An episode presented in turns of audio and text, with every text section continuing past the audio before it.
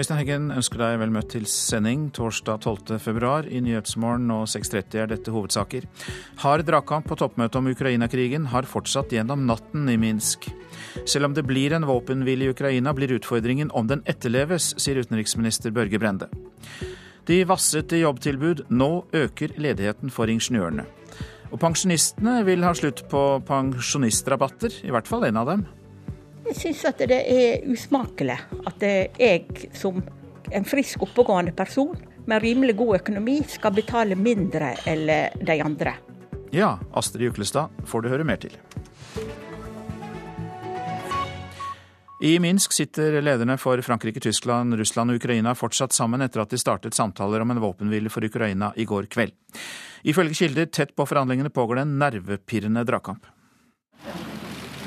Det startet med et lett håndtrykk mellom Vladimir Putin og Ukrainas president Petro Porosjenko i går kveld. Deretter satte de to seg ned med Angela Merkel og Francois Hollande. Så ble døren lukket til det forgylte rommet i presidentpalasset i Minsk. Nå har forhandlingene pågått i over 13 timer.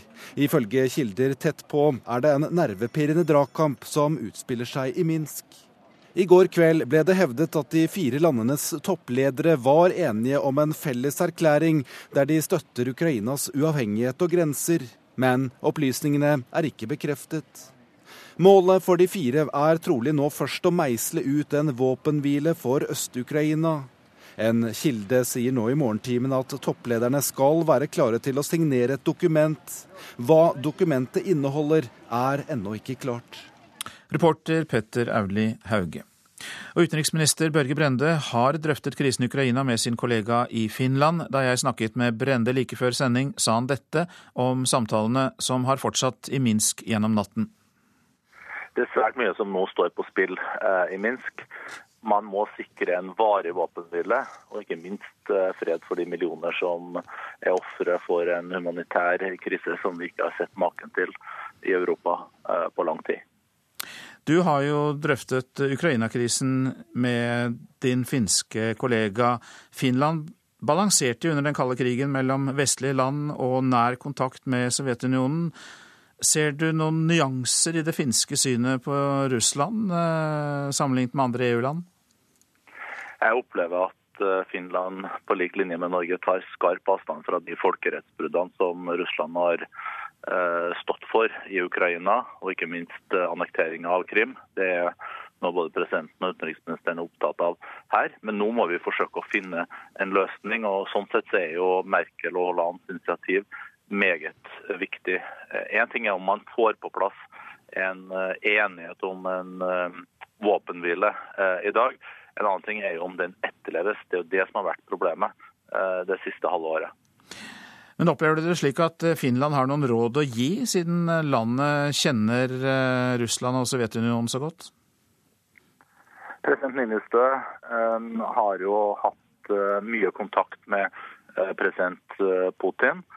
Og Finland har benytta den posisjonen til å legge press på russerne, og ikke minst for at de skal respektere grensene til Ukraina. Finland har vært med på de sanksjonene mot Russland som en reaksjon på folkerettsbruddene. Man kan ikke det 21. århundre som det blir sagt her, og akseptere at ett europeisk land tar en del av et annet europeisk land uten eh, konsekvenser. Og Russlands ansvar i konflikten har jo blitt tydeligere og tydeligere. og det tror jeg det er erkjennelse av òg i eh, Finland, som tradisjonelt har stått nærmere Russland, ikke minst pga. historie og pga. den lange grensa. Hvordan eh, ser Finland på en eventuell eh, trussel fra Russland mot eh, Finland og nordiske land? Man har jo opplevd en opptrapping i Østersjøen den senere tid av militær aktivitet. Men finnene er jo et veldig rolig folkeslag, så de har vært ute i tøft vær tidligere. Men de òg har jo nå eh, søkelys på det å ha et eh, sterkt forsvar og en forutsigbar sikkerhetspolitikk, og har jo styrka f.eks. samarbeidet sitt nå med Sverige. Og så legger de jo stor vekt på sitt eh, EU-medlemskap òg i en sikkerhetspolitisk sammenheng. Men kan det også tenkes at Finland ønsker seg et Nato-medlemskap etter hvert? Det står ikke på dagsordenen i Finland. I Sverige så har det jo vært slik nå at målinger viser at bortimot 50% ønsket Nato-medlemskap. Den type tall ser man ikke i Finland, men det er veldig stor bevissthet rundt å ha et sterkt forsvar. Samarbeide nordisk om forsvars- og sikkerhetspolitikk. Og Finland er jo uh, klar over sin grense til Russland, og et Russland som har vist dessverre vilje og evne til å både drive propaganda, til å ta i bruk stedfortrederkrig og lignende. Noe som vi må ta inn over oss. Men samtidig så er det jo i Finland, som det er i Norge, et ønske om å ikke bilateralisere dette. Eh, vi må jo kunne fortsette med et konstruktivt samarbeid med Russland på områder som folk-til-folk-samarbeid, søk og redning, miljø, eh, atom. Eh, slik at den balansegangen er viktig. Utenriksminister Børge Brende. Eurosonens finansministre har ikke klart å bli enige med Hellas om noen plan for landets gjeld. Samtalene blir gjenopptatt først på mandag. Partene var heller ikke i stand til å formulere noen felles erklæring etter forhandlingene i går. Over 200 flyktninger mistet livet i et forsøk på å krysse Middelhavet fra Libya til Italia i helgen. Italia er som oftest det første europeiske landet de kommer til. Og kommunikasjonssjef Line Hegna i Redd Barna, god morgen til deg. Hva forteller dine italienske kolleger om det som skjer i Middelhavet? De er jo først og fremst veldig preget av det som skjer. De er jo de som står eh, aller først og tar imot de barna som kommer eh, fram. Eh, veldig mange av de kommer helt alene, uten voksne omsorgspersoner. Så mine kolleger gir omsorg, beskyttelse, hjelp, juridisk bistand. Og forsøker også å gjenforene barna med eventuelle omsorgspersoner. Og så er det jo opprørte. Og det er eh, en frustrasjon, et opprør som vi deler. Fordi at det som skjer i Middelhavet nå, er eh, skammelig. Eh, Middelhavet holder på å bli en gravplass. Over 3000 mennesker mista livet der i fjor, og det kan vi rett og slett ikke leve med. Vi kan ikke sitte og se på det. Og vi det kan gjøres ufattelig mye mer enn det det er vilje til i dag, og vi kommer til å bli dømt hardt av historien om vi ikke eh, makter å gjøre noe med det. Hva mener Redd Barna at vi kan gjøre? Nei, aller først så må vi rett og slett eh, så fort som mulig få opp Eh, redningsarbeidet igjen. Italia drev jo Mare Nostrum, som var et, et redningsprogram inntil oktober i fjor. Da ble det lagt ned fordi de andre EU-landene ikke bidro nok økonomisk til, til programmet, som kostet 77 millioner kroner i måneden å drive. Der var italienske styrker ute aktivt på Middelhavet for å se se etter båter og flyktninger og for å redde, redde de. Nå er det erstattet av et, et mye mindre EU-program som har langt fra samme effekt. Kan, kan, norske myndigheter bidra noe her? Ja. Dette har jo vært et EU-program som vi også for så vidt har hatt vår del av. Ja, Norge kan definitivt eh, bidra, må bidra. Norge kan øh, legge press på EU, og Norge kan også aktivt bidra med både penger, personell og fartøy i denne operasjonen. Og så er det uh, Eh, det er de samme flyktningene vi, vi, snakker om her, som også ønsker å komme til Norge. Så i Redd Barna så mener vi jo at Norge må ta imot uh, veldig mange flere flyktninger enn det vi gjør i dag. Vi har tatt til orde for at vi minst må ta 10 000 fra Syria.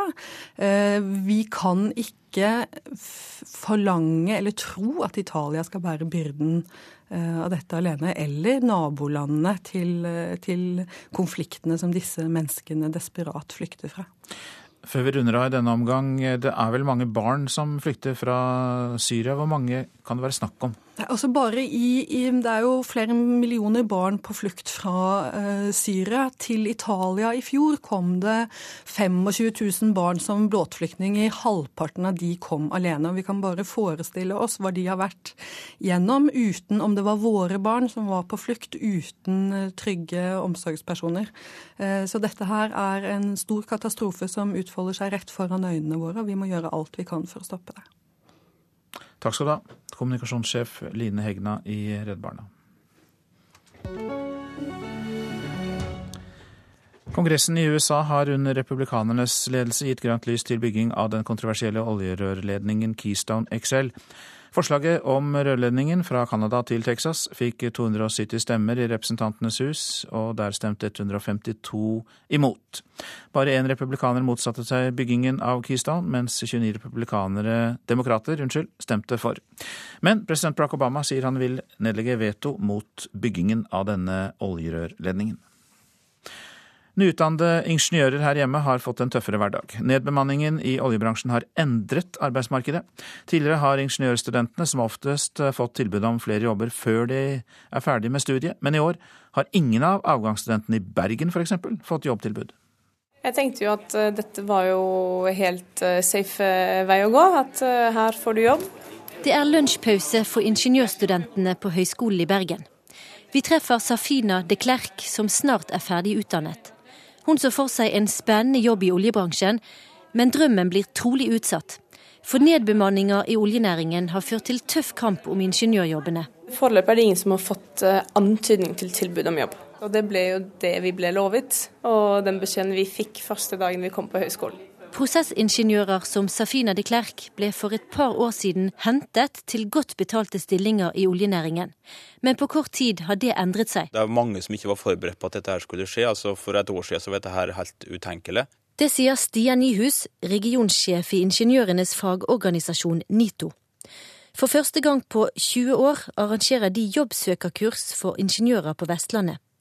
Arbeidstakere som har mistet jobben i oljebransjen, stiller først i køen til ledige jobber. Dermed blir de nyutdannede skjøvet lenger bak. Vi har enorm stor pågang på søkere i dag. Morten Leikvoll, daglig leder i konsulentselskapet Head Energy. De leverer tjenester til ulike oljerelaterte selskaper. Mens de før måtte ut og headhunte folk, strømmer i dag søknadene inn fra arbeidsledige ingeniører. Altså, Vi får 50-100 omtrent på hver eneste stilling vi har ute i dag. Masse dyktige folk masse erfarne folk. Selv om nyutdannede nå møter en annen virkelighet enn for ett år siden, ledigheten blant norske ingeniører er stigende, men regnes fortsatt som lav. For i kommuner og statlige virksomheter er det fortsatt behov for ingeniører. Og for Safina de Klerk blir det kanskje løsningen. Nå er det mange som har finne seg en plan B. Jeg kommer til å se i offentlig sektor. Og det var eh, Siri Løken som hadde snakket med ingeniørstudentene. Avisene og det de er opptatt av i dag. Statlig lønnsadel i helsesektoren er tema i Adresseavisen. 18 av 23 helsetopper tjener mer enn landets statsminister. Samtidig, samtlige ledere av helseforetakene her i landet tjener mer enn helseminister Bent Høie. Nordmenn er for late, er oppslaget i Dagens Næringsliv. Toppsjefen i revisjonsfirmaet BDO, Morten, Trond Morten Lindberg, Syns ikke det er rart at produktiviteten synker her i landet. Vi er mer opptatt av fritid, skrur av mobilen og drar på hytta torsdag, sier Lindberg. En helt annen historie får vi i Klassekampen, der økonomer avviser produktivitetskrisen. Norge er helt i toppsjiktet med produktivitetsvekst i verdensklasse, det sier professor Kalle Moene. Så usikker er din AFP-framtid, kan vi lese i Dagbladet. Jobbskift straffer seg, tariffavtaler kan gå tapt, og sluttpakker kan være farlige, for de kan påvirke din avtalefestede pensjon. I 1934 ble norske romfolk som ville flykte fra naziregimet i Tyskland, nektet å komme hjem, skriver Vårt Land. De ble avvist etter den såkalte sigøynerparagrafen, som fratok romfolk norsk statsborgerskap. Nesten alle ble seinere drept i Auschwitz-Birkenau, viser eh, rapport fra Senter for studier av holocaust og livssynsminoriteter. Forsvaret betalte for utstyr som skulle repareres i USA, men nå mener politiet at en ansatt i Forsvaret bare lagret utstyret i en garasje, og senere leverte det tilbake til i samme forfatning. For det betalte Forsvaret 14,4 millioner kroner, kan vi lese i Bergens Tidende, og nå er mannen tiltalt for grov økonomisk utroskap. Ny E18 truer Oslo-lufta, sier Naturvernforbundet til Dagsavisen. Hovedstadens mål for utslippskutt og en luft man ikke blir syk av, kan torpederes dersom E18 blir bygd ut, mener forbundet. Prosten i Sør-Østerdal tror prestene vil rømme bygdene, kan vi lese i Nasjonen. Sevat Lapgard frykter at prestene vil velge å bo sentralt og pendle til bygdene dersom boplikten for prester oppheves, slik regjeringen ønsker. Et øde Donetsk er avbildet på Aftenpostens forside. Store deler av storbyen er forlatt, for alle som kunne, rømte etter at krigshandlingene startet øst i Ukraina. Nylig var det en storby like travel som Oslo. I går eh, var det ett år igjen til ungdoms-OL på Lillehammer, og dagen ble markert med besøk av andre kronprinsen og kulturministeren. Mens ordføreren i området allerede tenker på muligheten for å arrangere et langt større OL i 2026. Svømmepresident og kandidat til å bli ny idrettspresident, Per Rune Eknes, mener at man heller må tenke nytt. Og En av de tingene man kanskje da burde vurdere, var jo kanskje å gå i et samarbeid med Finland og Sverige. OL-toget har kanskje ikke reist fra perrongen helt ennå. Der står svømmepresident Per Rune Eknes, og han mener at vi kanskje må se litt annerledes på et vinter-OL den gangen her. OL i Oslo, eller OL i Norge, eh, uansett er en fest. Det er ikke et breddearrangement, det er et fest for alle. Det er en fest for bredden og fest for alle. Men det er ikke noe som vi kan satse på, tror jeg, å bygge opp nye anlegg i forhold til. Fotballpresident Yngve Hallén han er med i utvalget som skal finne ut hva som gikk galt sist gang Norge vurderte OL. Men OL-døra den holder han fortsatt på gløtt. Det er en uttalt målsetning for norsk idrett at den skal ta på seg større arrangement. Og så tror jeg at det er viktig å avvente og roe litt ned. Eh, få fram evalueringen av eh, det som skjedde i prosessen fram mot eh, at 2022-søknaden havarerte. Reportere Henrik Agledal og Gjermund Midtbø. Klokka den nærmer seg 6.47. Dette er hovedsaker. Nervepirrende dragkamp på toppmøtet om Ukraina-krigen. Møtet har fortsatt gjennom natten i Minsk. Selv om det blir en våpenhvile i Ukraina, blir utfordringen om den etterleves, sier utenriksminister Børge Brende. Tidligere vasset de jobbtilbud, nå øker ledigheten for ingeniørene. Flere enn tidligere har omkommet i snøskred i Nord-Norge i det siste. Ved Norges arktiske universitet i Alta skal fagfolk samles nå for å dele kunnskap som skal forebygge dødsulykker i fjellet. Det sier instituttleder der, Karsten Rolland. De siste fire-fem åra har det vært en markant økning i antall skredulykker, og også egentlig antall uh, ulykker med, med, dødelig utfall. Det, det, det må man jo se i lys av at det har vært en økt aktivitet i Brattfjell. Flere ute på tur betyr at sjansen er større for at flere blir tatt av skred. I tillegg er det flere som ønsker å utfordre seg sjøl mer i terrenget og velge mer ekstreme turer enn tidligere. Med dette for øye så skal nå Instituttet i Alta koordinere flere vidt ulike fagmiljø innenfor skredforskning for å kunne samle trådene litt. NVE sin snøskredvarsling er en ressurs, men også psykologiforskningen skal med. Veldig mange vet jo objektivt om hva slags type terreng som kan føre til at skredet går. Eh, men allikevel så ser vi jo at folk eh, tar sjansen på å gå opp der og kjøre ned der. Hvorfor tar vi sånne beslutninger? Hva er det som gjør at eh, man som enkeltperson og også i en gruppe bestemmer seg for å gjøre det? Den type kunnskap trenger vi å utvikle mer. Reporter var Erik Liung. Klager på fastleger har eh, økt eh, kraftig. Pasientombud Inger Marie Sommerseth i Nordland mener legene bør sette av minst 30 minutter til hver pasient. Og hun vil at eh, ordningen nå skal evalueres. Jeg mener at det bør innføres et krav til at fastlegen bruker minimum 30 minutter per pasient. Rett og slett for å sikre at det er tid og rom for pasienter til å snakke og ta opp sine bekymringer. Pasient- og brukerombud i Nordland, Inger Marie Sommerseth, har lagt fram årsmeldinga for 2014. Den bekrefter en tendens hun har sett i de fem årsmeldingene hun har lagt fram, at flere og flere klager på fastlegen sin. Dette får ombudet flest henvendelser om. Tilgjengelighet på telefon, på eh, å få time, og så går det på at eh, når man kommer til fastlegen, så har fastlegen ofte veldig liten tid. Leder i Nordland legeforening, Stian Holmvik, mener det ikke er realistisk å sette et standard legebesøk til en halv time. Ikke per i dag, så er det ikke det. Men han er enig i at noen pasienter har behov for lengre konsultasjoner. Vi tenker at en del pasienter trenger vesentlig lengre tid enn andre, og det tror jeg vi må være flinkere til å få et godt system for å gi de pasienter som trenger lang tid, den tida.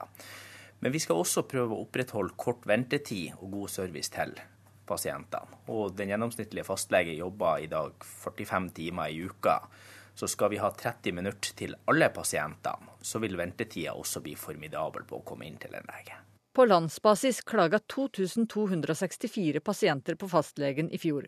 Det er nesten 900 flere enn i 2010. Vi mener at det bør gjøres en evaluering av hele fastlegeordninga.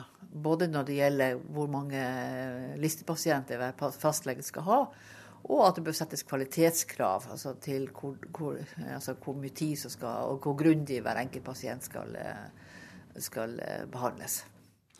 Pasient- og brukerombud i Nordland, Inger Marie Sommerseth, reporter Vera Isaksen. Det er skammelig at jeg skal betale mindre enn andre bare fordi jeg er eldre, sier pensjonist Astrid Juklestad. Norske pensjonister får stadig bedre råd, men får likevel honnørrabatt på mange områder, og det liker ikke Juklestad.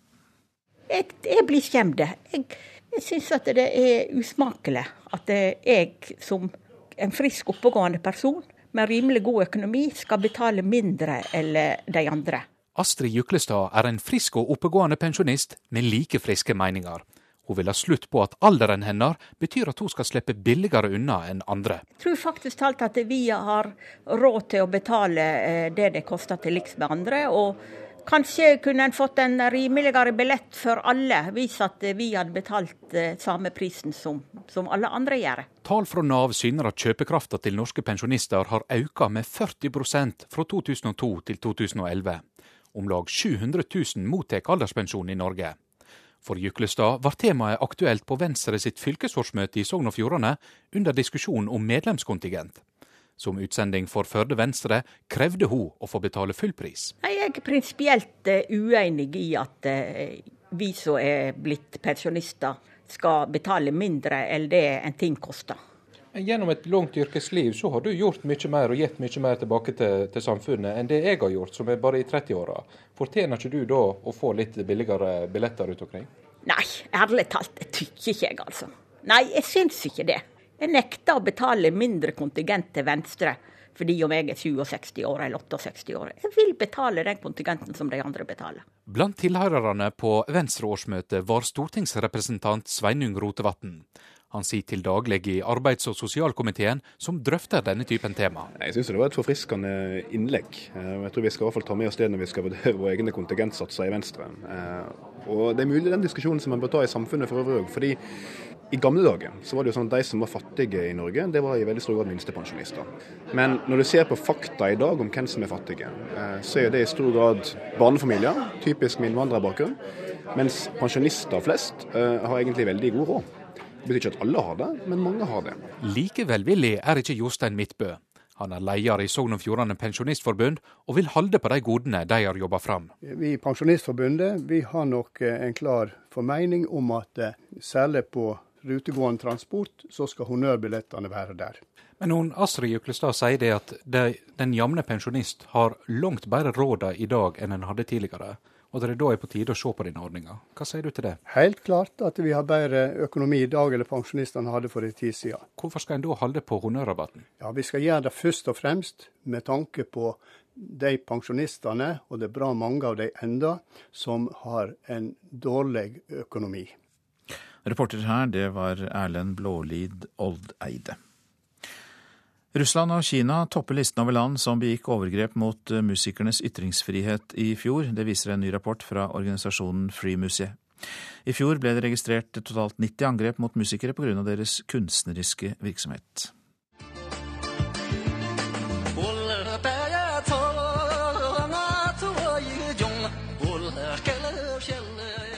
Musikeren Kalsang Jarfel ble i november i fjor dømt til fire års fengsel av kinesiske styresmakter. Han er en av flere musikere i Kina som blir straffa for å snakke, eller snarere synge, tibetanerne si sak.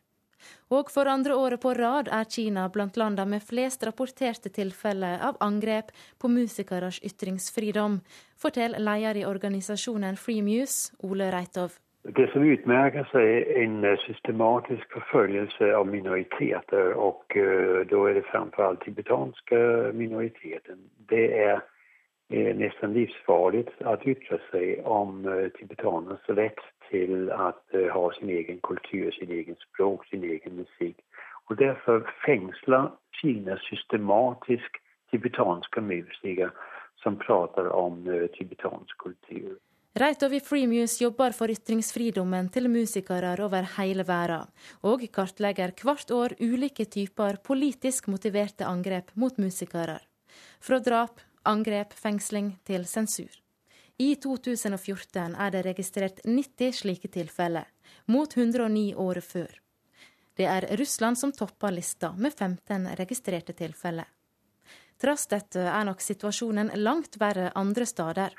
Og uh, i de länderna som uh, er påvirket av uh, krig, exempel norra Mali, Syrien og mange andre plasser, da er det mye større siffror vi taler om. Så Derfor så skal man være veldig forsiktig, forsiktig med statistikk. Vi kan bare i en statistikk skrive inn hva som er mulig å dokumentere. Og man kan omöjligt dokumentere hvor mange musiker som hotes av Taliban eller rövarbander olika platser som kommer fram med en kalasjnikov och säger om du fortsätter med det här svineriet så kommer vi mörda dig. Så effekterna är långt större än det som statistiken visar. Oui, oui, oui,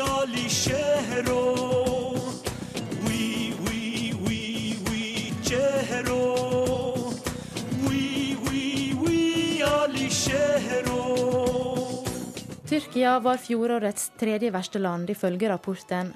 Men en dom fra Den europeiske menneskerettsdomstolen denne veka kan gjøre situasjonen til én musiker litt lysere. Ferhat Tunf ble i 2003 dømt til tre måneders fengsel samt bot for ytringer han framførte på en konsert. Men talen fra domstolen tirsdag var klar.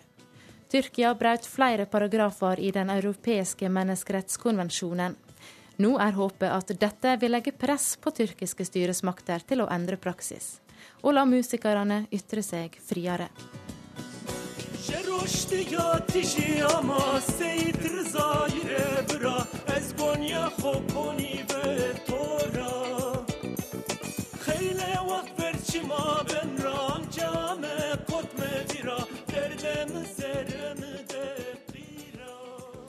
Og reporter her, det var Andrea Kvamme Hagen. Netflix eh, slapp ved en feil nye episoder av strømmetjenestens politiske thriller House of Cards eh, to uker før den planlagte premieren. Episodene var tilgjengelig i 20 minutter i går kveld, før det ble bråstopp og de ble fjernet. Dette er den tredje sesongen av Netflix' eh, flaggskip med Kevin Spacey i hovedrollen som den slu politikeren Frank Underwood. Værvarselet. Langfjella oppholdsvær, men i ettermiddag spredt snø i vestlige områder nord for Haukeli. Fjellet i Sør-Norge unntatt Langfjella, litt snø vesentlig i nord og vest. Østlandet og Telemark på kysten liten kuling, oppholdsvær, kan hende lokal tåke i sørlige områder. Agder også stort sett oppholdsvær i dag. Vestlandet sør for Nordfjord, liten kuling på kysten nord for Bergen, regn som brer seg sørover, lite nedbør helt sør og snø i høyereliggende strøk. Nordfjord og Møre og Romsdal enkelte sludd- eller snøbyger, til dels regn på kysten. Trøndelag kan hende stiv kuling i nord, enkelte sludd- eller snøbyger. Fra ettermiddag stiv kuling på kysten i nord, men etter hvert lettere vær. Helgeland, Saltfjellet, Salten, Ofoten og Lofoten. Nordvest periodevis sterk kuling utsatte steder. I ettermiddag mindre vind. I kveld sørvestlig kortvarig sterk kuling snø og haglbyger. Så går vi til Vesterålen og Troms. Nordvestlig periodevis sterk kuling utsatte steder, snø og haglbyger. Finnmark vestlig periodevis sterk kuling på kysten. Fra i ettermiddag periodevis vestlig full storm i utsatte kyst- og fjordstrøk i Finnmark. Og det blir snøbyger. Nordensjøland på Spitsbergen litt snø. Temperaturer målt klokka fire i natt. Svalbard lufthavn minus 17, Kirkenes minus 7, Varde minus 4, Alta minus 3, Tromsø-Langnes minus 4. Bodø pluss 2. Brønnøysund har vi ikke fått inn i dag heller, men vi har Trondheim-Værnes på 8 plussgrader. Molde også 8. Bergen-Flesland 4. Stavanger og Kristiansand-Kjevik 3. Gardermoen 0. Lillehammer minus 5. Røros pluss 1 og Oslo-Blindern 0 grader.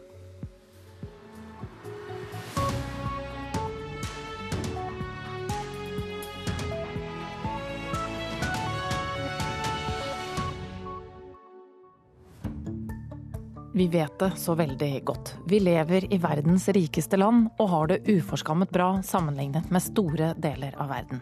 Og vi blir så skamfulle at det snart er en del av identiteten vår.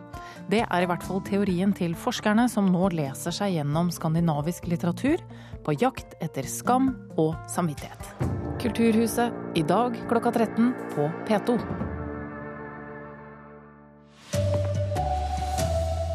Russlands kjølige forhold til Vesten viser at nedrustningen av Forsvaret har gått for langt, mener tidligere offiserer. Ops, nå er plutselig Russland blitt en trussel, og nå må vi gjøre noe. Toppledere har forhandlet om fred i Ukraina i hele natt. Viktig at de lykkes, sier Børge Brende. Her er NRK Dagsnytt klokken sju.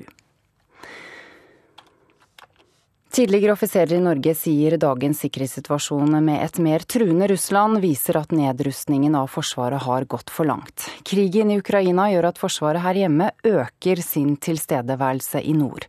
Nå mener bl.a. den pensjonerte flaggkommandøren Jakob Børresen at Norge må ruste opp igjen.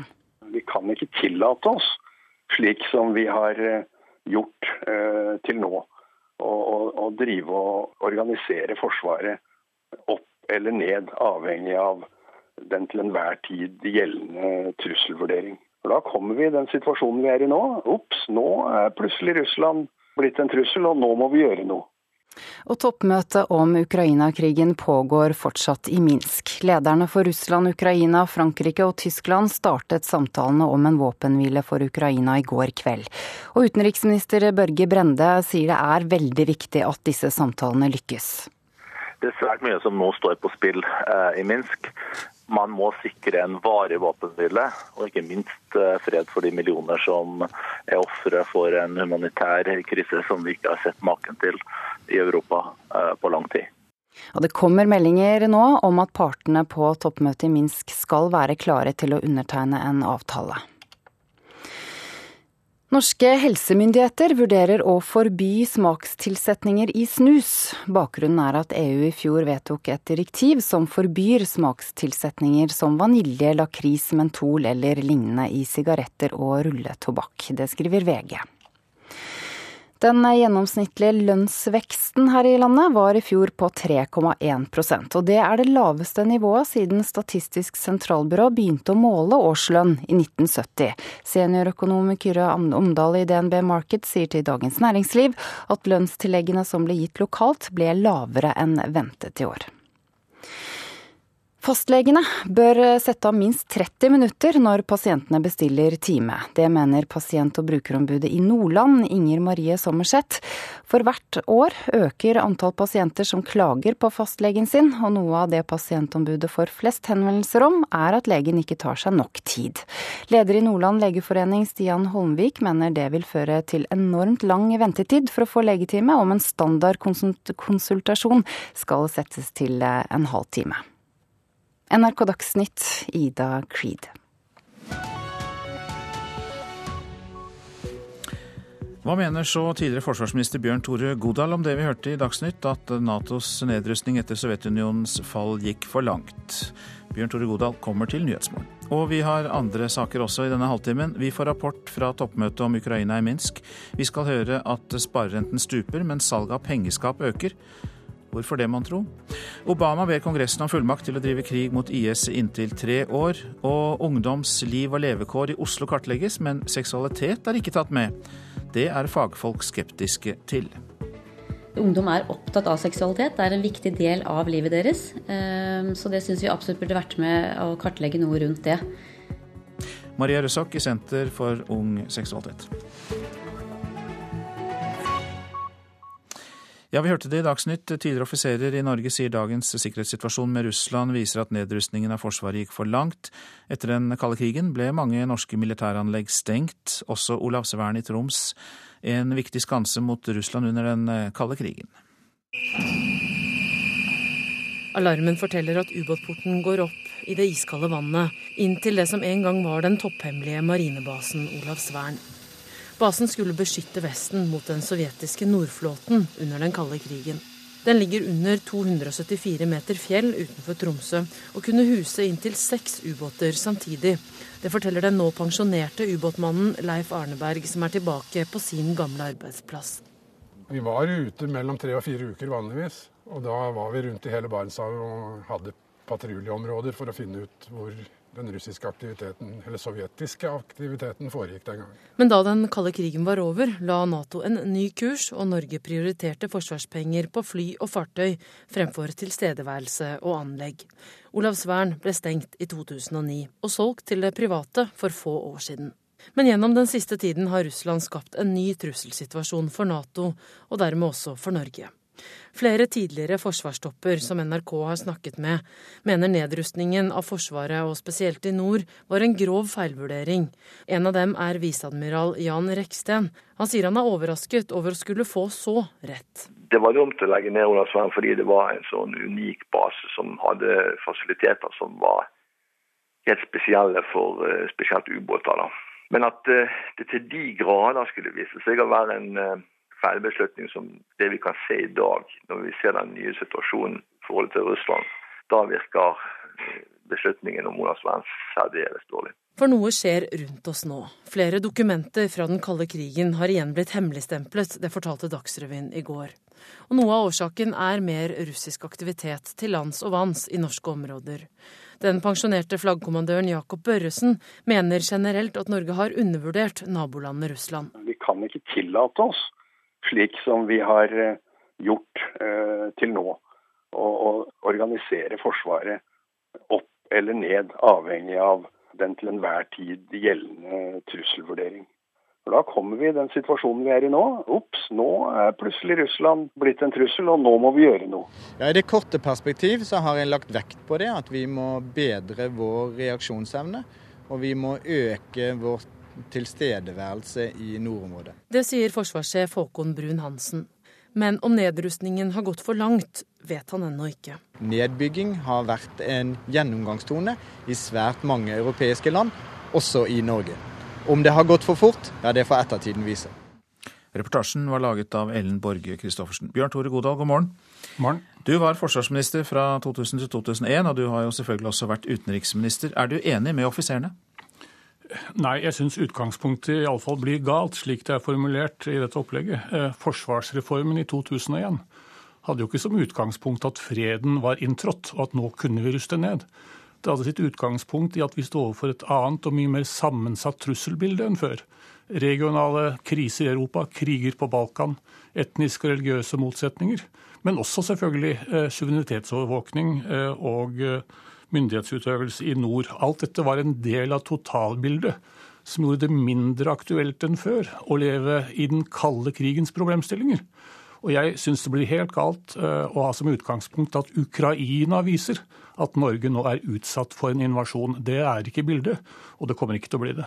Samtidig hørte vi tidligere i sendingen at Børge Brende hadde snakket med Finlands eh, eh, utenriksminister, som sa at aktiviteten i Østersjøen har økt veldig fra russisk side. Det er ikke bare i Ukraina? Nei, men det er helt riktig. Og russisk aktivitet i våre nærområder, opp og ned, det er ikke noe nytt. Og vi skal selvfølgelig være på tå hev. Og det er grunnlaget for at vi har hatt en kolossal satsing på sjøforsvar og fly i en investering som knytter seg til Norges muligheter til overvåkning av våre nære områder. Så dette er en sentral del av vårt konsept hele veien. Men samtidig så etterlyste offiserene mer tilstedeværelse som vi hadde før, og flere anlegg som vi hadde før. Ja, men jeg tror de eh, tunge, store anleggenes tid er forbi. Det vi spør om nå, er reaksjonsevne og hurtighet. Og er det noe det nye sikkerhetspolitiske bildet viser, så er det at det er det som gjelder og går. Ikke store, tunge anlegg fra den kalde krigens tid. Men eh, burde du og de andre som da var aktive politikere den gangen, eh, ikke ha blitt så blendet av åpenhet og reformer, glasnost og perestrojka fra Sovjetunionen? Nei, vi var ikke blåøyde på det punkt. Altså, det var ingen grunn til å stikke under en stol at uh, utviklingen i Russland ville være usikker framover. Men også gjennom den kalde krigen så lyktes det oss å håndtere det på en god måte. Men det var jo ikke slik at vi da kunne motstå en sovjetisk invasjon eh, i Norge, like lite som vi kan det nå. Men det er på ingen måte sannsynlig at det kommer til å materialisere seg. Det er små episoder, provokasjoner av det slaget vi har sett mange av i verdenssamfunnet i dag, som gjelder og går. Og for det formålet er det norske forsvaret bedre stilt enn før. Men Ukraina er ingen liten episode? Nei, men det er helt feil å sammenligne Ukraina med Norge. Det vil bare bære helt galt av sted å tro at det som skjer i Ukraina, har paralleller til en mulig russisk eh, aksjon mot Norge. Men mener du at uh, all den nedrustning man foretok, og justering, som du da selv sier, at man satset mer på fly og mer på, og på andre typer forsvar, at alt var riktig, eller er det noe du i ettertid eh, mener var uklokt? Jeg tror det blir, blir helt feil å si at vi foretok en nedrustning gjennom forsvarsreformen. Det var en omstilling av Forsvaret for å utvikle nye, kraftigere og mer reaksjonsdyktige enheter enn å ligge i leire og tunge bunker og vente på invasjon. Er Norge i stand til å hamle opp med en i en konflikt eh, med Russland? Krisehåndtering og suverenitetsovervåking skal vi klare, men like lite som før kan Norge motstå en invasjon fra noe land. Det var ikke situasjonen på 50-tallet og 60-tallet, og det er det ikke nå. Til slutt, eh, Godal, hvilke utfordringer har Nato? Natos eh, oppgave er jo, i lys av de nye sikkerhetsutfordringene og det endrede bildet, å være i stand til å ivareta sikkerheten i våre nærområder, slik vi har sett Nato har spilt en rolle f.eks. på Balkan. Verdenskrig, så å si, i vår egen verdensdel, med titusenvis av døde mennesker. Men derfra til å tro at Nato kan spille en rolle i en væpnet konflikt i Ukraina, det er noe helt annet. Takk skal du ha, Bjørn Tore Godal, tidligere forsvarsminister og også da tidligere utenriksminister. Men det skal fortsatt handle om forsvarshemmeligheter. Seinere i dag legger Forsvarets etterretningstjeneste fram sin årlige trusselvurdering. Du er kommet hit, reporter Eirik Veum. Hva kan vi vente oss fra E-tjenesten? Det er ventet at generalløytnant Kjell Grandhagen vil ha mye av fokuset sitt på Russland. Og Årsaken til det er at man eh, i de siste årene, men med i økende grad, sett en økt russisk militær aktivitet i norske nærområder, men også ute i Europa, som vi nettopp har, eh, har hørt en del om. Eh, og det som Etterretningstjenesten er opptatt av, er at Russland viser en økt vilje, men også evne, til å gjennomføre militære operasjoner. Og det vi ser i norske nærområder og i nordområdene, er altså en økt flyaktivitet. Eh, den er ikke fiendtlig eller aggressiv, men russiske fly er på vingene. Og norske jagerfly må opp for å identifisere disse flyene. Og Det skjer ukentlig og av og til også daglig. I tillegg, og det er mindre kjent, men det er også omfattende eh, russisk aktivitet ute i Barentshavet. Det er eh, store marinefartøy som trener på rakettutskyting. Og det er også en omfattende undervannsbåtaktivitet som da driver omfattende øvelser. Det man også forventer et fokus på i dag, det er eh, en økt terrortrussel mot Norge, som har rotfeste i Midtøsten, særlig i Syria og Irak. Det som er interessant eh, for Etterretningstjenesten, og som også da binder eh, dem sammen til Politiets sikkerhetstjeneste, er jo at norske statsborgere, eller personer med tilknytning til Norge, er i disse miljøene og kan utgjøre en trussel mot Norge eller mot norske interesser i utlandet. Det er også ventet et fokus på det som eh, kalles cyberdomenet, altså angrep eller trusler mot ulike nasjonale IKT-systemer. Og selvfølgelig også da eh, Etterretningstjenestens virksomhet der det er norske soldater i utlandet, som f.eks. Afghanistan og Irak. Du følger med på dette for oss. Hjertelig takk, reporter Eirik Veum. Du orienterte oss altså om det som skjer eh, sannsynligvis da senere i dag. Forsvarets etterretningstjeneste, E-tjenesten, legger fram sin årlige trusselvurdering. Økonomi nå. Sparebankrentene faller, og det gjør det stadig mindre lønnsomt å punte penger i banken. Og det gjelder da særlig for dem som også må betale formuesskatt av pengene. Så hos en selger av eh, bankbokser, eller safer, i Oslo, så merker man nå at flere ønsker å putte verdiene i pengeskap. Her er det forskjellige koder. Du har den gode, gammeldagse Olsenbanden-koden. Det er litt snurring, og det er jo veldig god lås. Og det de fleste foretrekker i dag, det er jo den elektroniske, uten tvil. Vi prøver å åpne, vet du. Der var det vellykka. Her, i Bjørke Agenturs lokaler sentralt i Oslo, bugner det av pengeskap i alle størrelser, modeller og prisklasser. Og nå strømmer kundene til, sier salgsleder Stig Hansen. Vi har jo merket en økning nå i de siste månedene. Etterspørselen blir bare større og større, den. Så det er klart det er lave renter, og folk har vel mer penger mellom hendene. Og da er jo en safe en god investering. Og sjeføkonom Elisabeth Holvik i Sparebank1 forstår godt hvorfor pengeskap nå er kommet på moten. Innskuddsrentene i bankene er nemlig svært lave, og utsiktene er videre fall. Allerede i dag så mister en jo kjøpekraft ved bare å ha pengene i bank, hvis en eh, ser etter inflasjon og etter skatt. Så det er jo uheldig at ikke det finnes trygt, eh, en trygg måte for vanlige folk å spare på i Norge.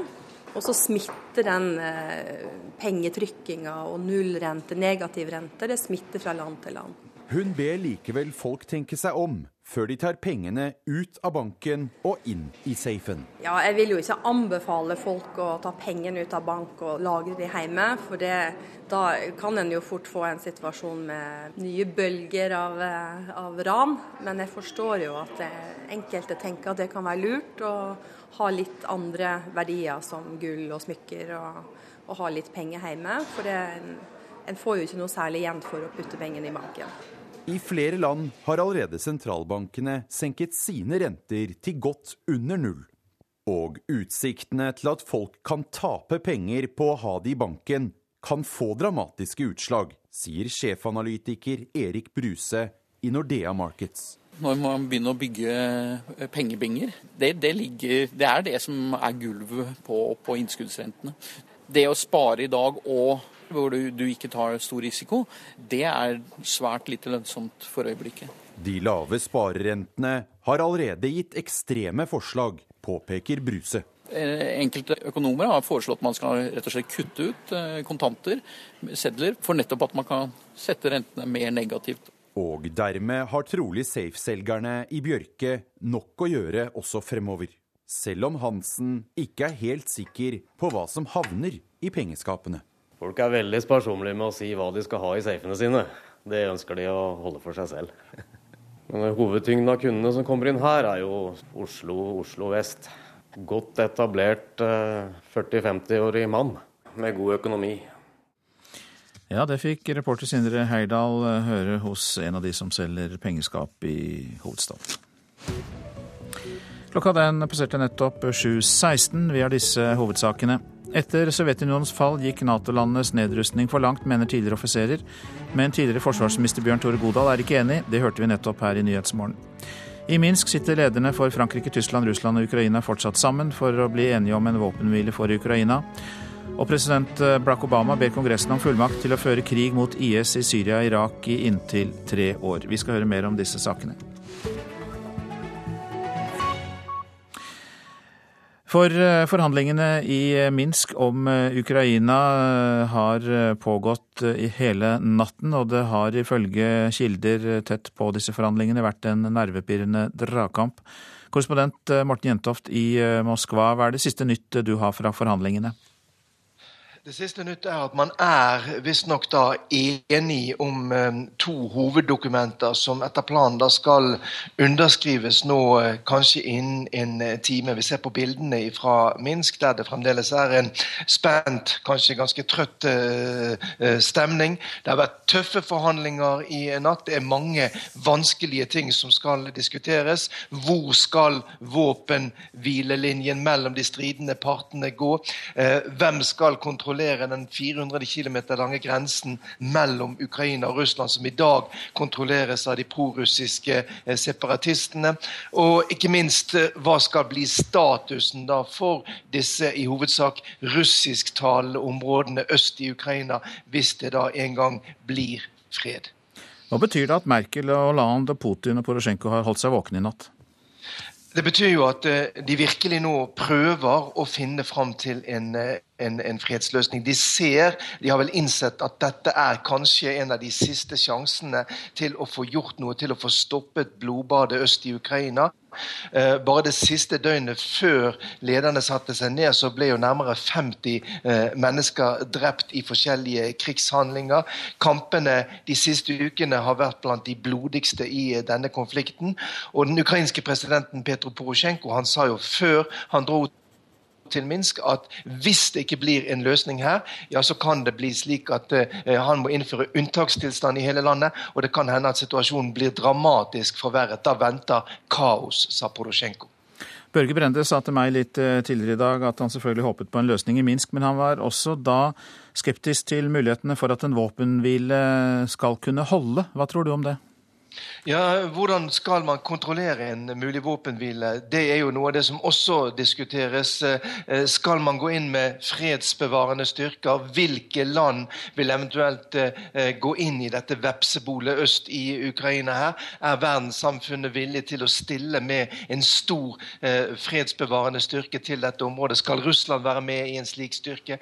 Det er jo noe av det aller mest avgjørende nå. og Da er jo spørsmålet om Norge og verdenssamfunnet er villig til å virkelig yte yte et bidrag, slik at det kan bli en våpenhvile som holder. Sluttspurt forhåpentligvis i forhandlingene om Ukraina i Minsk, og mange ubesvarte spørsmål. Mange takk, korrespondent i Moskva, Morten Jentoft. President Barack Obama ber Kongressen om fullmakt til å føre krig mot IS og Syria og i, i, Syria og Irak i inntil tre år. En slik fullmakt har ikke en amerikansk president bedt om siden 2002, da president Bush gjorde det. Og eh, Obamas initiativ kan tyde på at han planlegger å utvide kampen mot IS.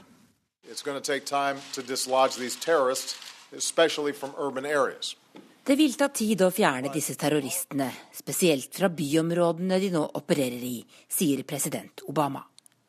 Han har for lengst innsett at krigen mot IS vil bli langvarig og sender derfor et nytt resolusjonsforslag til Kongressen, der han ber om fullmakt til å føre krig mot IS i minst tre år framover.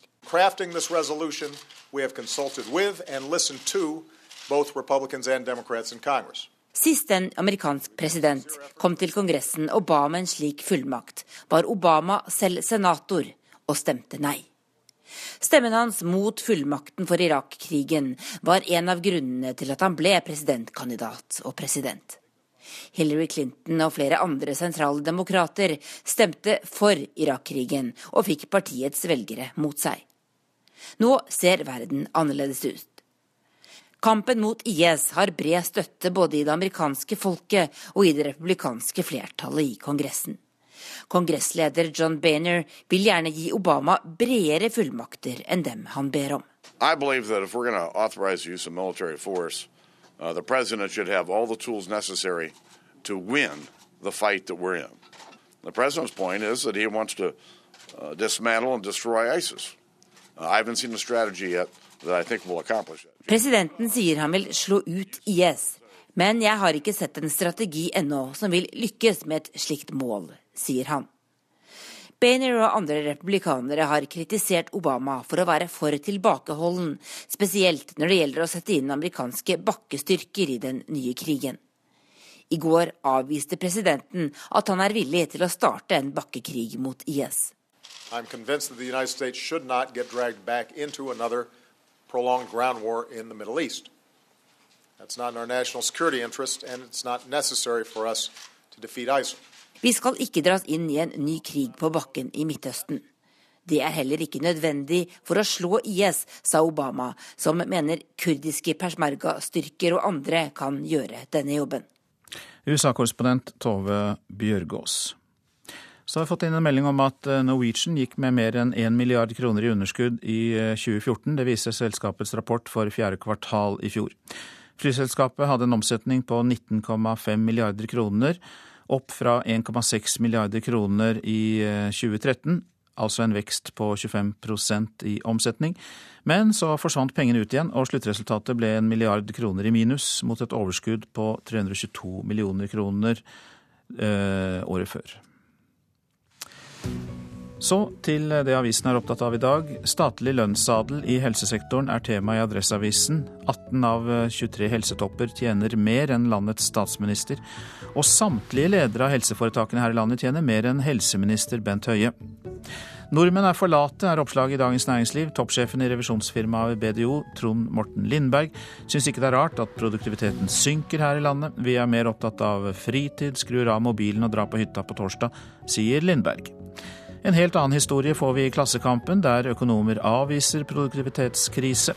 Norge er helt i toppsjiktet med produktivitet, produktivitetsvekst i verdensklasse, sier professor Kalle Moene. Så usikker er din AFP-framtid, kan vi lese i Dagbladet. Jobbskift straffer seg, tariffavtaler kan gå tapt, og sluttpakker kan være farlige, for de kan påvirke din avtalefestede pensjon. I 1934 ble norske romfolk som ville flykte fra naziregimet i Tyskland, nektet å komme hjem, skriver Vårt Land. De ble avvist etter den såkalte sigøynerparagrafen, som fratok romfolk norsk statsborgerskap. Nesten alle ble seinere drept i Auschwitz-Birkenau, viser rapport fra Senter for studier av holocaust og livssynsminoriteter. Forsvaret betalte for utstyr som skulle repareres i USA, men nå mener politiet at en ansatt i Forsvaret bare lagret utstyret i en garasje, og seinere leverte det tilbake i samme forfatning. For dette betalte Forsvaret 14,4 millioner kroner, kan vi lese i Bergens Tidende, og mannen er nå tiltalt for grov økonomisk utroskap. Ny E18 truer Oslo-lufta, sier Naturvernforbundet til Dagsavisen. Hovedstadens mål for utslippskutt og en luft man ikke blir syk av, kan torpederes dersom E18 blir bygd ut, mener forbundet. Prosten i Sør-Østerdal tror prestene vil rømme bygdene, kan vi lese i Nasjonen. Sevat Lapgard frykter at prestene vil velge å bo sentralt og pendle til bygdene dersom boplikten for prester oppheves, slik regjeringen ønsker. Og et øde Donetsk er avbildet på Aftenpostens forside i dag. Store deler av storbyen er forlatt, for alle som kunne rømme, gjorde det etter at krigshandlingene i Ukrainas østlige deler brøt ut. Nylig var det en storby like travel som Oslo. Nå skal vi høre at eh, mer enn 30 000 ungdommer deltar i den største ungdomsundersøkelsen som noen gang er gjennomført i Oslo. Men på den lange listen med spørsmål er det ingen om seksualitet. Det er synd, sier daglig leder Maria Røssok i Senter for ung seksualitet. Hun mener undersøkelsen kunne ha bidratt til bedre seksuell helse hvis de spørsmålene hadde vært inkludert. Ungdom er opptatt av seksualitet. Det er en viktig del av livet deres. Eh, så det syns vi absolutt burde vært med å kartlegge noe rundt det. Eh, hadde vi fått kunnskap om dette, så eh, hadde vi også kunnet jobbe forebyggende i ting der hvor det er behov for det. Årets undersøkelse er den fjerde i sitt slag, og den største til nå. Oslo kommune har utviklet den sammen med forskningsinstituttet NOVA og folk som jobber med ungdom. Målet er å kartlegge hverdagen til Oslo-ungdom. Ungdomsforsker ved NOVA, Patrick Lie Andersen, sier at de rett og slett ikke fikk tid til å få med spørsmål om sex i undersøkelsen. Så da ønsker vi liksom å stille relevante spørsmål til eh, ungdommene som treffer de fleste ungdommene. Som handler liksom om skole, familie, venner, eh, psykisk helse, rusbruk osv. Men ikke seksualitet? Nei, seksualitet eh, fikk vi dessverre ikke med i tilstrekkelig grad eh, denne gangen. En annen grunn til at spørsmålet om seksualitet ikke ble tatt med, er at man fryktet uærlige svar, sier Andersen. Det er klart at Når du skal spørre om eh, f.eks.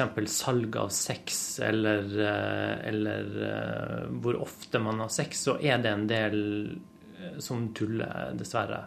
Og for at du skal få gode, reliable svar på det, så må du tenke veldig nøye gjennom spørsmålsformuleringen. Og også hvilken plassering et sånn type spørsmål har i spørreskjemaet. Eh, og det er tidkrevende. Og det oss, spilte jo også inn eh, da vi skulle vurdere om vi rakk å få det her med. Så når man stiller spørsmål til ungdommer, så er det jo alltid en fare for eh, at man ikke svarer ærlig. Men det er ikke noe større fare at ungdommer svarer uærlig enn at voksne svarer uærlig i tilsvarende undersøkelser. Det sier Bjørg Nordli, hun er leder for Prosenteret, som er et støtte- og kompetansesenter for prostituerte. Nordli undrer seg over hvorfor denne undersøkelsen ikke tar opp salg og bytte av seksuelle tjenester. Det ble foretatt en ungdomsundersøkelse i Oslo i 1996. Eh, det er veldig veldig lenge siden. Da ble det stilt eh, spørsmål knytta til den type problematikk. Og siden har Oslo, eh, Oslo kommune av en eller annen grunn valgt å utelate den type spørsmål i alle sine ungdomsundersøkelser etter det, mens man i Trondheim f.eks. har inkludert det. Så er det jo spørsmål om hvorfor det er sånn. Det må nesten de svare på. Men det er jo helt klart at det, det finnes undersøkelser som viser, både fra Norge og andre skandinaviske land, at ungdom selger og bytter seksuelle tjenester. Og det tenker jeg at det er en problematikk som kommunen burde være opptatt av. Denne reportasjen var laget av Fouad Acharki. Du lytter til eh, Nyhetsmorgen, produsent Kari Bekken Larsen, i studio Øystein Heggen. Så legger vi til at i reportasjen etter Dagsnytt kan du høre om rettssaken mot de to Al Jazeera-journalistene som har sittet fengslet i Egypt i over eh, to år. Rettssaken den starter i dag. Siv Jensen, Trine Skei Grande og Knut Arild Hareide skal diskutere hvordan status er for det borgerlige samarbeidet nå. Det skjer i eh, Politisk kvarter.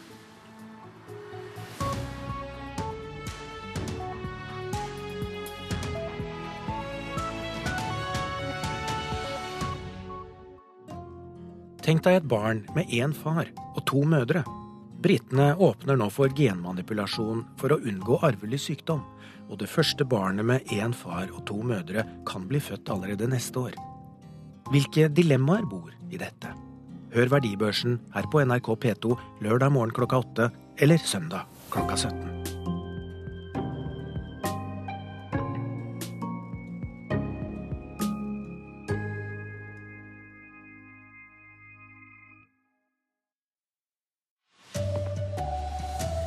Det er nå en nervepirrende dragkamp om en slutt på Ukraina-krigen.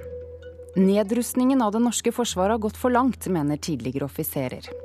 Pensjonist vil ha slutt på honnørrabatt. Vi har råd til å betale eh, det det koster.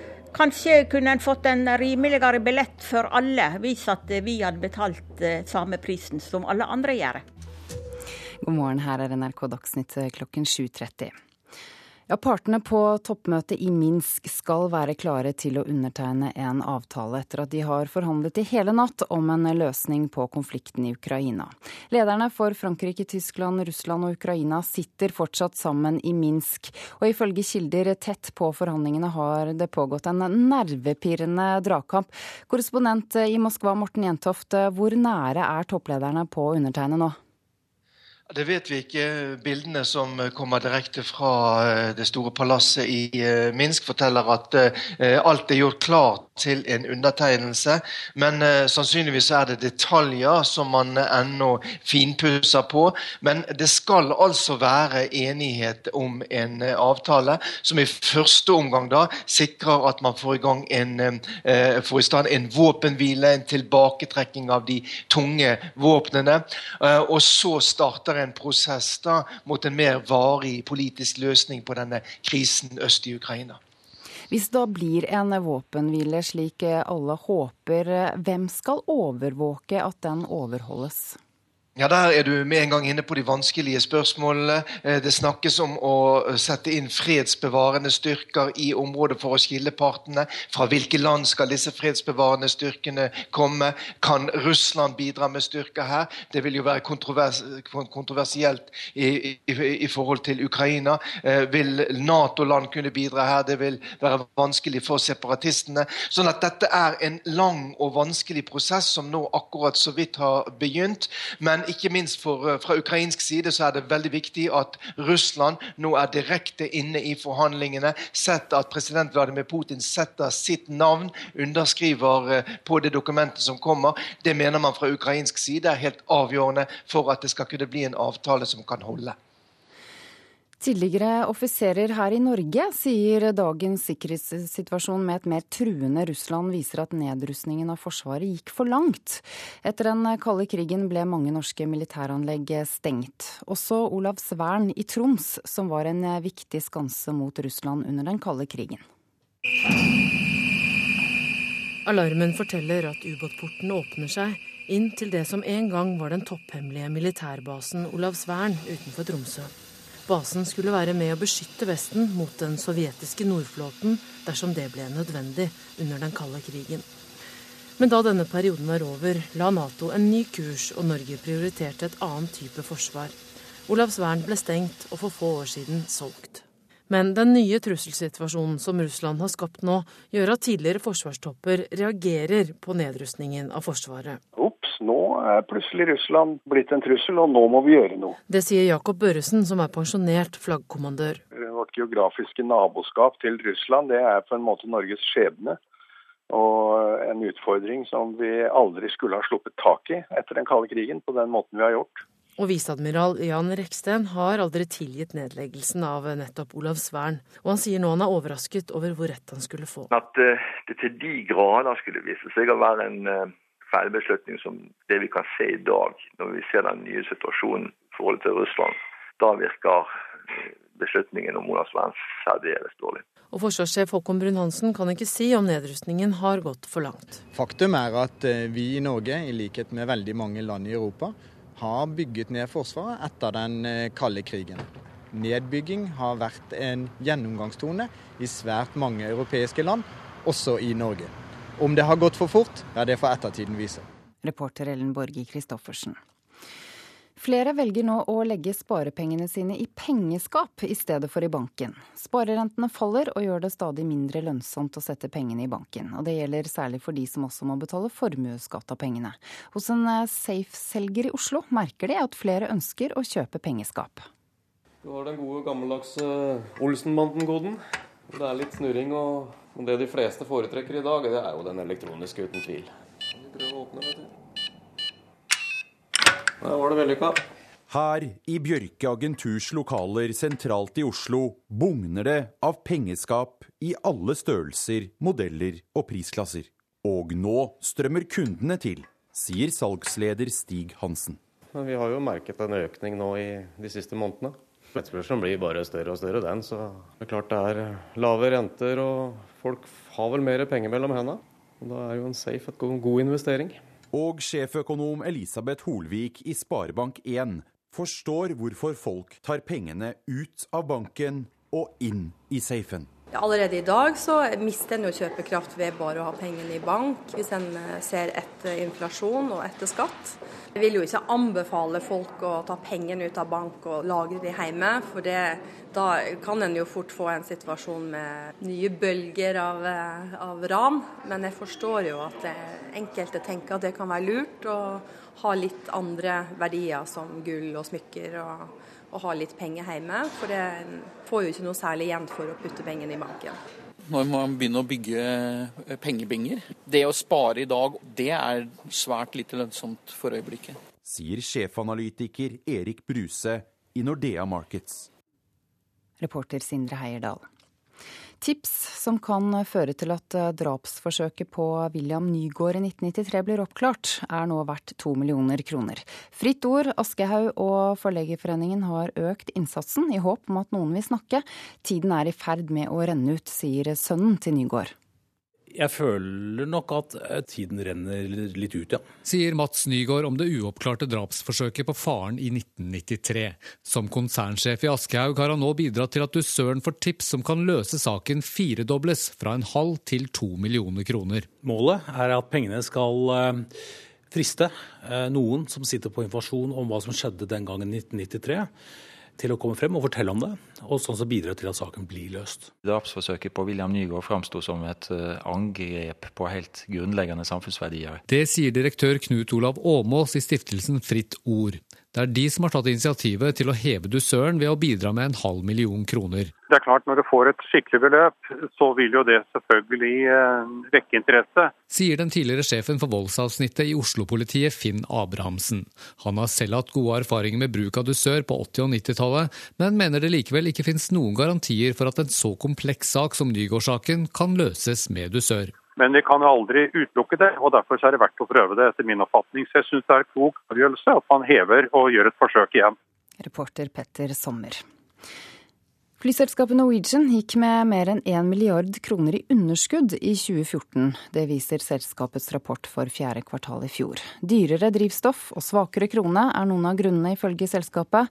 Og administrerende direktør Bjørn Kjos sier selskapet nå må kutte kostnadene ytterligere for å være konkurransedyktig i markedet. Det er eh, skammelig at jeg som velstående pensjonist skal betale mindre enn andre bare fordi jeg er eldre. Det sier pensjonist Astrid Juklestad. Hun sier hun er flau over å betale mindre enn andre. Jeg syns at det er usmakelig at jeg som en frisk, oppegående person med rimelig god økonomi skal betale mindre enn de andre. Astrid Juklestad er en frisk og oppegående pensjonist med like friske meninger.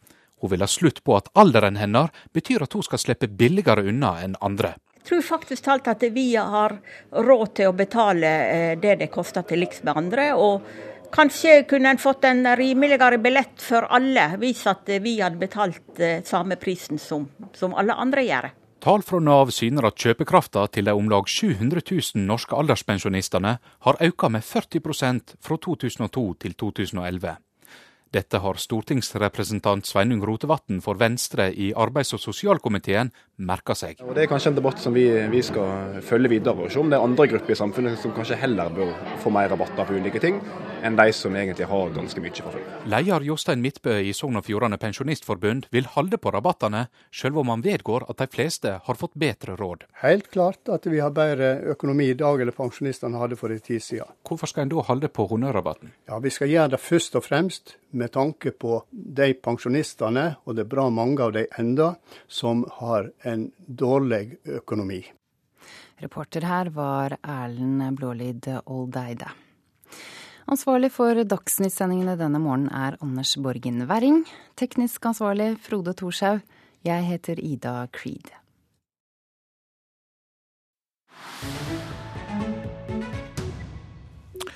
I dag begynner rettssaken mot de to Al Jazeera-journalistene som har sittet fengslet i Egypt siden desember 2013. Det skal vi høre mer om i Nyhetsmorgen nå. De ble først dømt til ti års fengsel, men saken ble erklært ugyldig. Opprinnelig var de tre, men australieren Peter Greste ble nylig løslatt. Da han kom hjem til Australia, fortalte han om de 400 dagene i fengsel. På flyplassen i Brisbane i Australia jubler familie, venner og kolleger av Al Jazeera-journalisten Peter Greste. Etter 400 dager i fengsel i Egypt er han sluppet løs og deportert hjem til Australia. Past, well, det var i desember 2013 at han og kollegene Mohammed Fahmi og Baher Mohammed ble arrestert og anklaget for undergravende virksomhet mot det egyptiske regimet.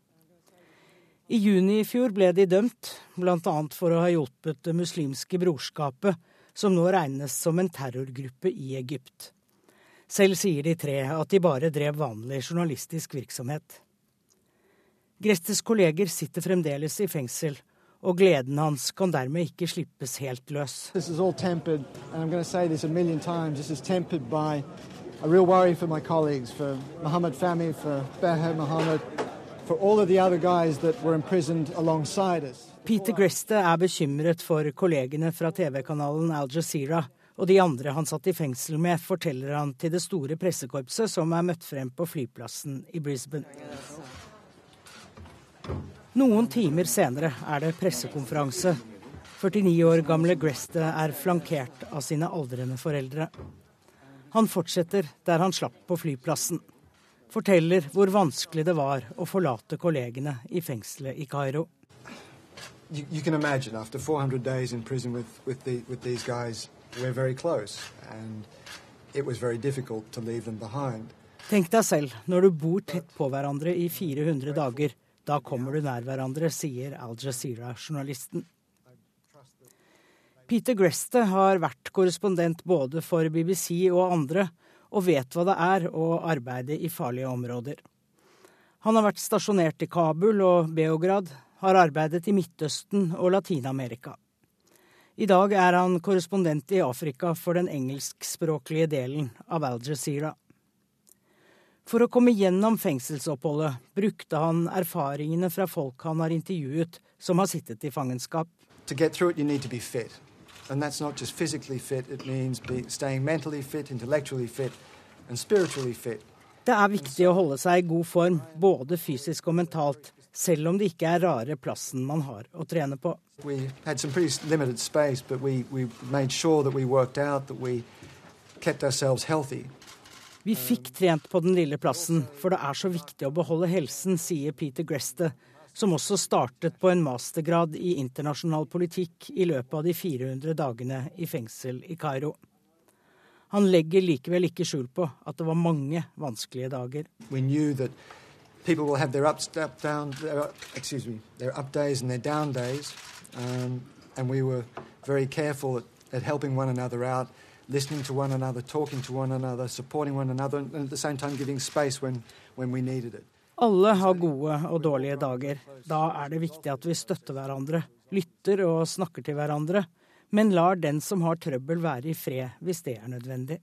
We've all grown very close as a result of this process, as a result of this experience. Um, but that was also very, very important to surviving it. Slik kom vi veldig nær hverandre, men det var også nødvendig for å komme seg gjennom dette, sier Peter Greste. Reporter var Anette Groth. Dette er Nyhetsmorgen, dette er hovedsaker. I Minsk sitter lederne for Frankrike, Tyskland, Russland og Ukraina fortsatt sammen for å bli enige om en våpenhvile for Ukraina. Møtene har pågått i hele natt. Norwegian gikk med mer enn 1 milliard kroner i underskudd i 2014. Det viser selskapets rapport fra fjerde kvartal. Året før hadde flyselskapet overskudd på 322 millioner kroner.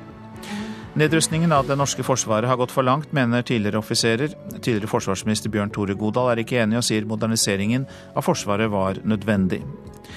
Tips som kan føre til at drapsforsøket på William Nygaard i 1993 blir oppklart, er nå verdt to millioner kroner. Det er Fritt Ord, Aschehoug og Forleggerforeningen som har gått sammen om en dusør.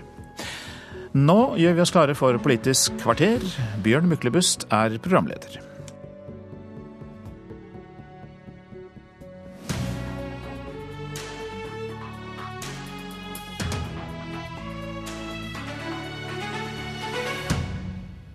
Siv Jensen, Knut Arild Hareide, Trine Skei Grande.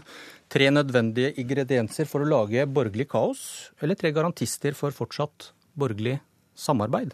Dere har litt over 14 minutter på å overbevise oss. God morgen og velkommen til Politisk kvarter. God morgen. Tusen takk. Leder i Kristelig Folkeparti, Knut Arild Hareide. Du sa i fjor at du trodde regjeringen sitter perioden ut. Hva tror du nå? Ja, det tror jeg. Ehm, det er sånn at eh, det er fire partier som har flertall, som har inngått en uh, samarbeidsavtale som jeg tror uh, i all hovedsak uh, alle fire partiene er godt fornøyd med. Så finnes det et forbedringspotensial på det samarbeidet. Ikke minst var vi enige om det rundt budsjettet. Og selv om vi nå har krevende saker, så tror jeg at, at den samarbeidsformen vi har, den er god, men vi kan forbedre den. Da kan vi slå fast at asylbarnsaken ikke er slutten på det borgerlige samarbeidet? Jeg skal ikke gå inn og si noe rundt den saken som ligger i Stortinget nå. Men det var det du det... sa nå. Regjeringen sitter, samarbeidet fortsetter. Jeg sa at jeg tror den regjeringa som eh, sitter nå, blir, blir sittende. Eh, så vet du òg eh, meget godt at det er en sak i Stortinget. Jeg skal ikke gå inn i detaljene nå. Det er en meget alvorlig sak for KrF. Så alvorlig at jeg tenker ikke å sitte på Politisk kvarter og si hvor vi konkluderer der. Leder i Venstre, Trine Skei Grande. Er det den samme tilliten mellom de borgerlige partiene i dette studioet som da dere skrev under samarbeidsavtalen? Ja, det vil jeg si på de aller fleste feltene. av på vi har fått til utrolig mye. Vi har eh, fått til budsjetter med det store grønne skatteskiftet som vi i Venstre ville ha. Vi har fått til lærerløftet som vi gikk til valg på. Vi har fått til det løftet for fattige barn som vi gikk til valg på. Så, så i Venstre så syns vi at vi får til veldig mye. Og så er det noen saker som krongler seg til, som blir vanskelig, og som Og der dette syns fordi at det er i åpent lende, for det er en mindretallsregjering. Men jeg tror at folket tåler godt å få få innsyn i at politiske prosesser ikke alltid er rett fram og, og like framover, og at vi faktisk kjemper om ulike politiske saker og må finne de vippepunktene mellom partiene. Og Da trenger jeg nesten ikke stille det spørsmålet jeg hadde tenkt å stille nå. Tror du regjeringen sitter i perioden ut? Nei, jeg håper jo at, at, vi får til denne samarbeidsavtalen og de sakene som skal til. Eh, og da tror jeg at vi må gjøre det på borgerlig side. Vi har blitt nedkjempa i åtte år når det gjelder kampen mot fattigdom hos barn. Vi har blitt nedkjempa i åtte år med å få gjort noe på, på miljøsida. Og nå der sa hun åtte år, skriver alle på Twitter nå, vet du. Ja, men, men for å si det sånn, politikk handler om å få gjennom saker. Jeg gikk til valg på å få til et skifte på klima, få gjort noe for de fattigste barna, få til et lærerløft i skolen. Dette var hovedsaken for Venstre. Nå får vi til å gjøre det. Vi fikk ligge til en lempelse for asylbarna. Og det var ikke lett. Det var krevende å finne det vippepunktet mellom, mellom Frp og Venstre. Men det er et ugjendrivelig faktum at nå får det flere asylbarn bli i Norge enn det var når Arbeiderpartiet styrte dette landet. Eh, og det var det som, det er sakene som er viktige for Venstre. Det er hva det er vi får gjennom, som handler om regjeringa lever videre. Lofoten og Vesterålen blir ikke bygd ut. Eh, det har vi fått til, den samarbeidsavtalen. Det er en viktig sak for Venstre, en viktig sak for dem som stemmer på Venstre, og dem skal få valuta for sine stemmer også. Var dette en fin måte å starte morgenen på, Siv Jensen? Finansminister og Frp-leder som sitter og smiler bredt? Jeg har det stort sett eh, gode samtaler med Trine og Knut Arild, og det har vi jo hatt lenge. Og det handler jo om at vi har jobbet for å komme ut av åtte rød-grønne år hvor vi ikke fikk til noen ting. Nå får vi til eh, en kraftsatsing på justissektoren, vi har fått til en kraftsatsing på samferdselssektoren, vi har fått til et løft på helse- og omsorgstjenester, da kanskje særlig rus og psykiatri, som var så stemoderlig behandlet gjennom åtte år, hvor vi nå løfter de svakeste eh, frem, slik at de får eh, bedre pleie og omsorg. Og det mener jeg er bra. Eh, så det at vi får til mye i fellesskap, er det jo ingen tvil om. Men, ja, men har, så har jeg lyst til å si at vi har jo forhandlet frem en avtale hvor alle partiene har fått gjennomslag i den samarbeidsavtalen som de fire partiene har inngått. Så er det jo ikke noe vanskelig å finne tydelige spor for eh, Kristelig Folkeparti, tydelige spor for Venstre, tydelige spor for Fremskrittspartiet og for Høyre. Og vi må alle sammen forvalte den avtalen ordentlig. Det er jo riktig som Trine sier, at når det gjelder asyl- og innvandringsavtalen, så er det to store stolper som er eh, eh, satt ned. Det ene er at vi skal stramme inn, særlig overfor kriminelle som ikke skal oppholde seg i Norge. Det andre er at vi skal eh, liberalisere på de områdene som bl.a. gjelder barn. Og da må vi klare å ivareta begge deler, men det er altså slik at begge deler skal ivaretas. Og det er vi alle forpliktet til å gjøre. Rørende enighet. Men det de to nå sier om fortsatt samarbeid, hva forteller det deg om de påstandene om avtalebrudd og kravene om din justisministers avgang som har kommet fra folk i Venstre og KrF? Nå er det slik at eh, alle de fire partilederne er opptatt av å finne frem til gode løsninger. At vi av og til opplever at det blir eh, hva skal vi si, litt tenning. Eh, det er ikke så rart. Jeg syns det er helt greit at vi har litt diskusjon. er ikke det litt nedlatende overfor de som er ordentlig sinte på hverandre der ute? Nei, jeg syns det er helt rimelig at vi av og til får litt debatt, og jeg mener det er greit at den også skjer i det åpne rom. Er det noen som tror at det ikke var krangling mellom de tre rød-grønne partiene? Eh, alle vi som har vært nå lenge i politikken, vet at de krangla så busta føyk. Men de gjorde det på bakrommet og håpet at ingen så det. Jeg mener det er helt greit ja, at uh, reell politisk uenighet mellom oss fire kommer synlig frem, så lenge vi klarer å finne frem til løsninger til syvende og sist. Og det har vi jo gjort. Alle saker som har vært vanskelig. Eh, har vi vist at det er politiske forskjeller oss imellom. Vi har også klart å få frem kompromisser som gjør at alle de fire partiene kan leve med det. Men din egen mann i kontrollkomiteen har sagt at dette har vært et politisk spill for å svekke Anundsen? Altså, Jeg tror vi skal la kontrollkomiteen nå få gjøre seg ferdig med den saken de, de selv har igangsatt. Sier du du er uenig med ham? Jeg har tillit til Anders Anundsen. Jeg mener Anders Anundsen er en flink justisminister. Men det var ikke det, det, var ikke det jeg spurte om. Eh, det var, det var Venstre og KrF at de har drevet et politisk spill i denne saken.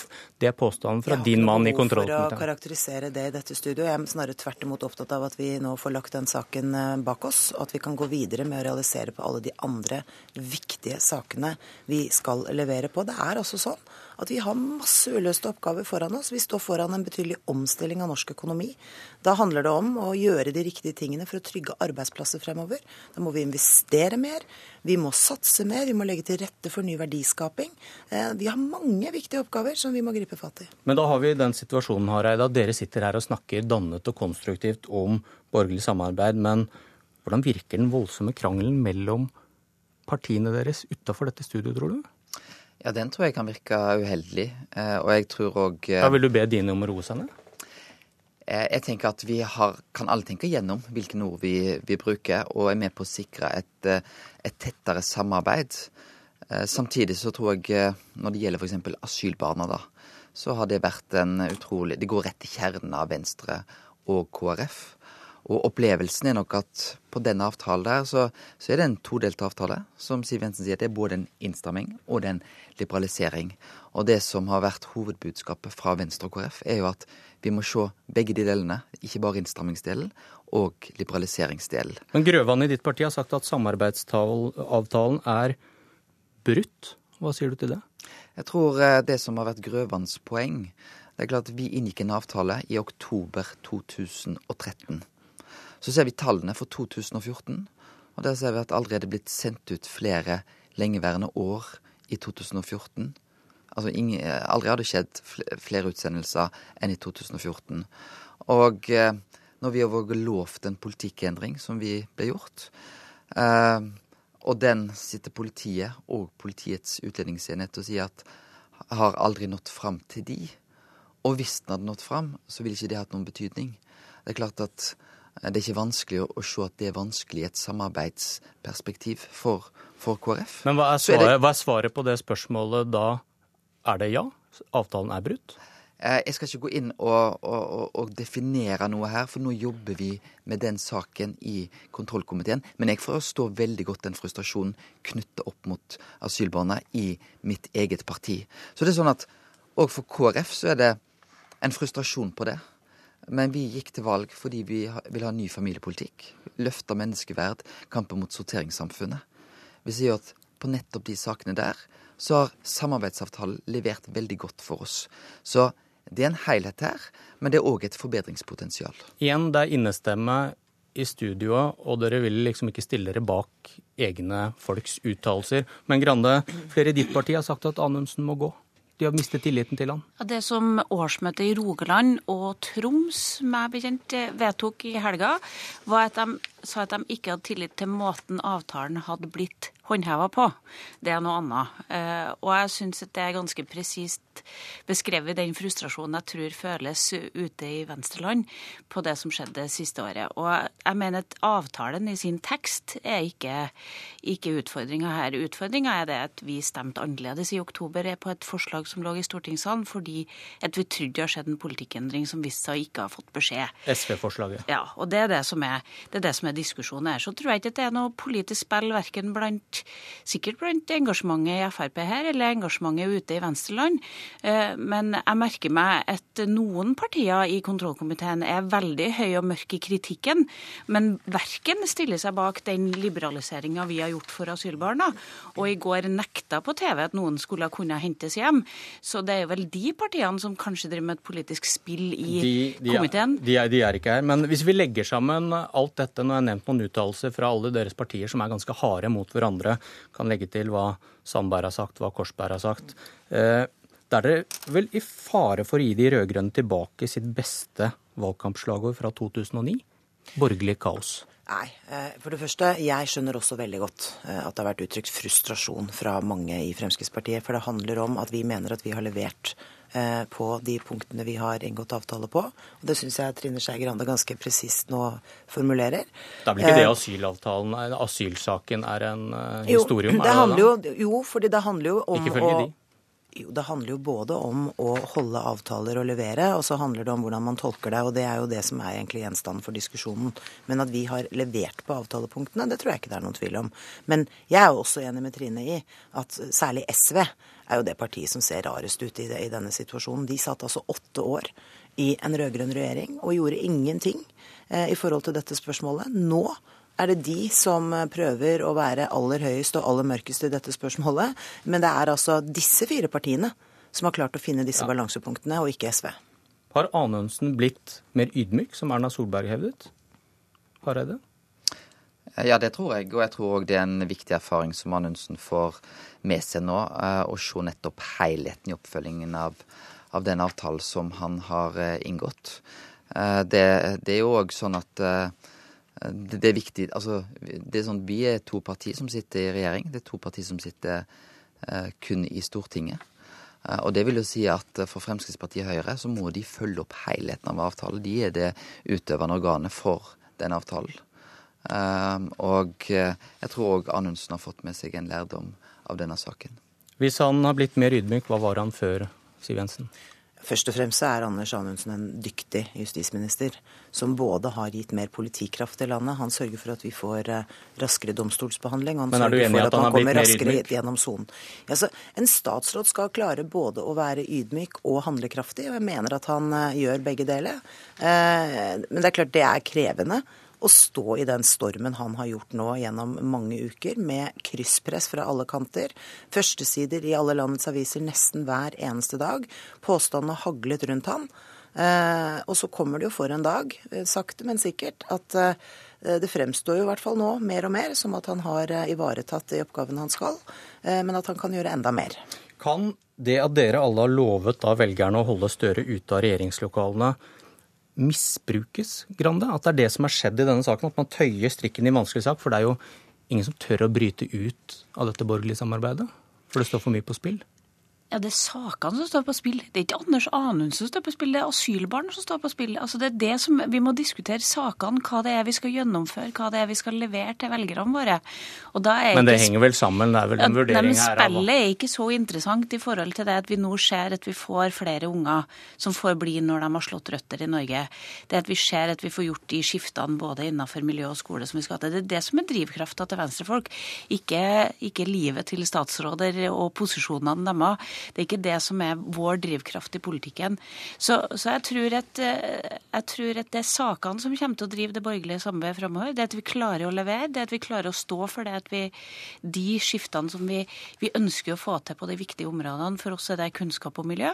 Eh, og jeg tror at, at da, da kan det bråke litt, det kan være litt støy i prosessen, og vi skjønner at det er politiske brytninger.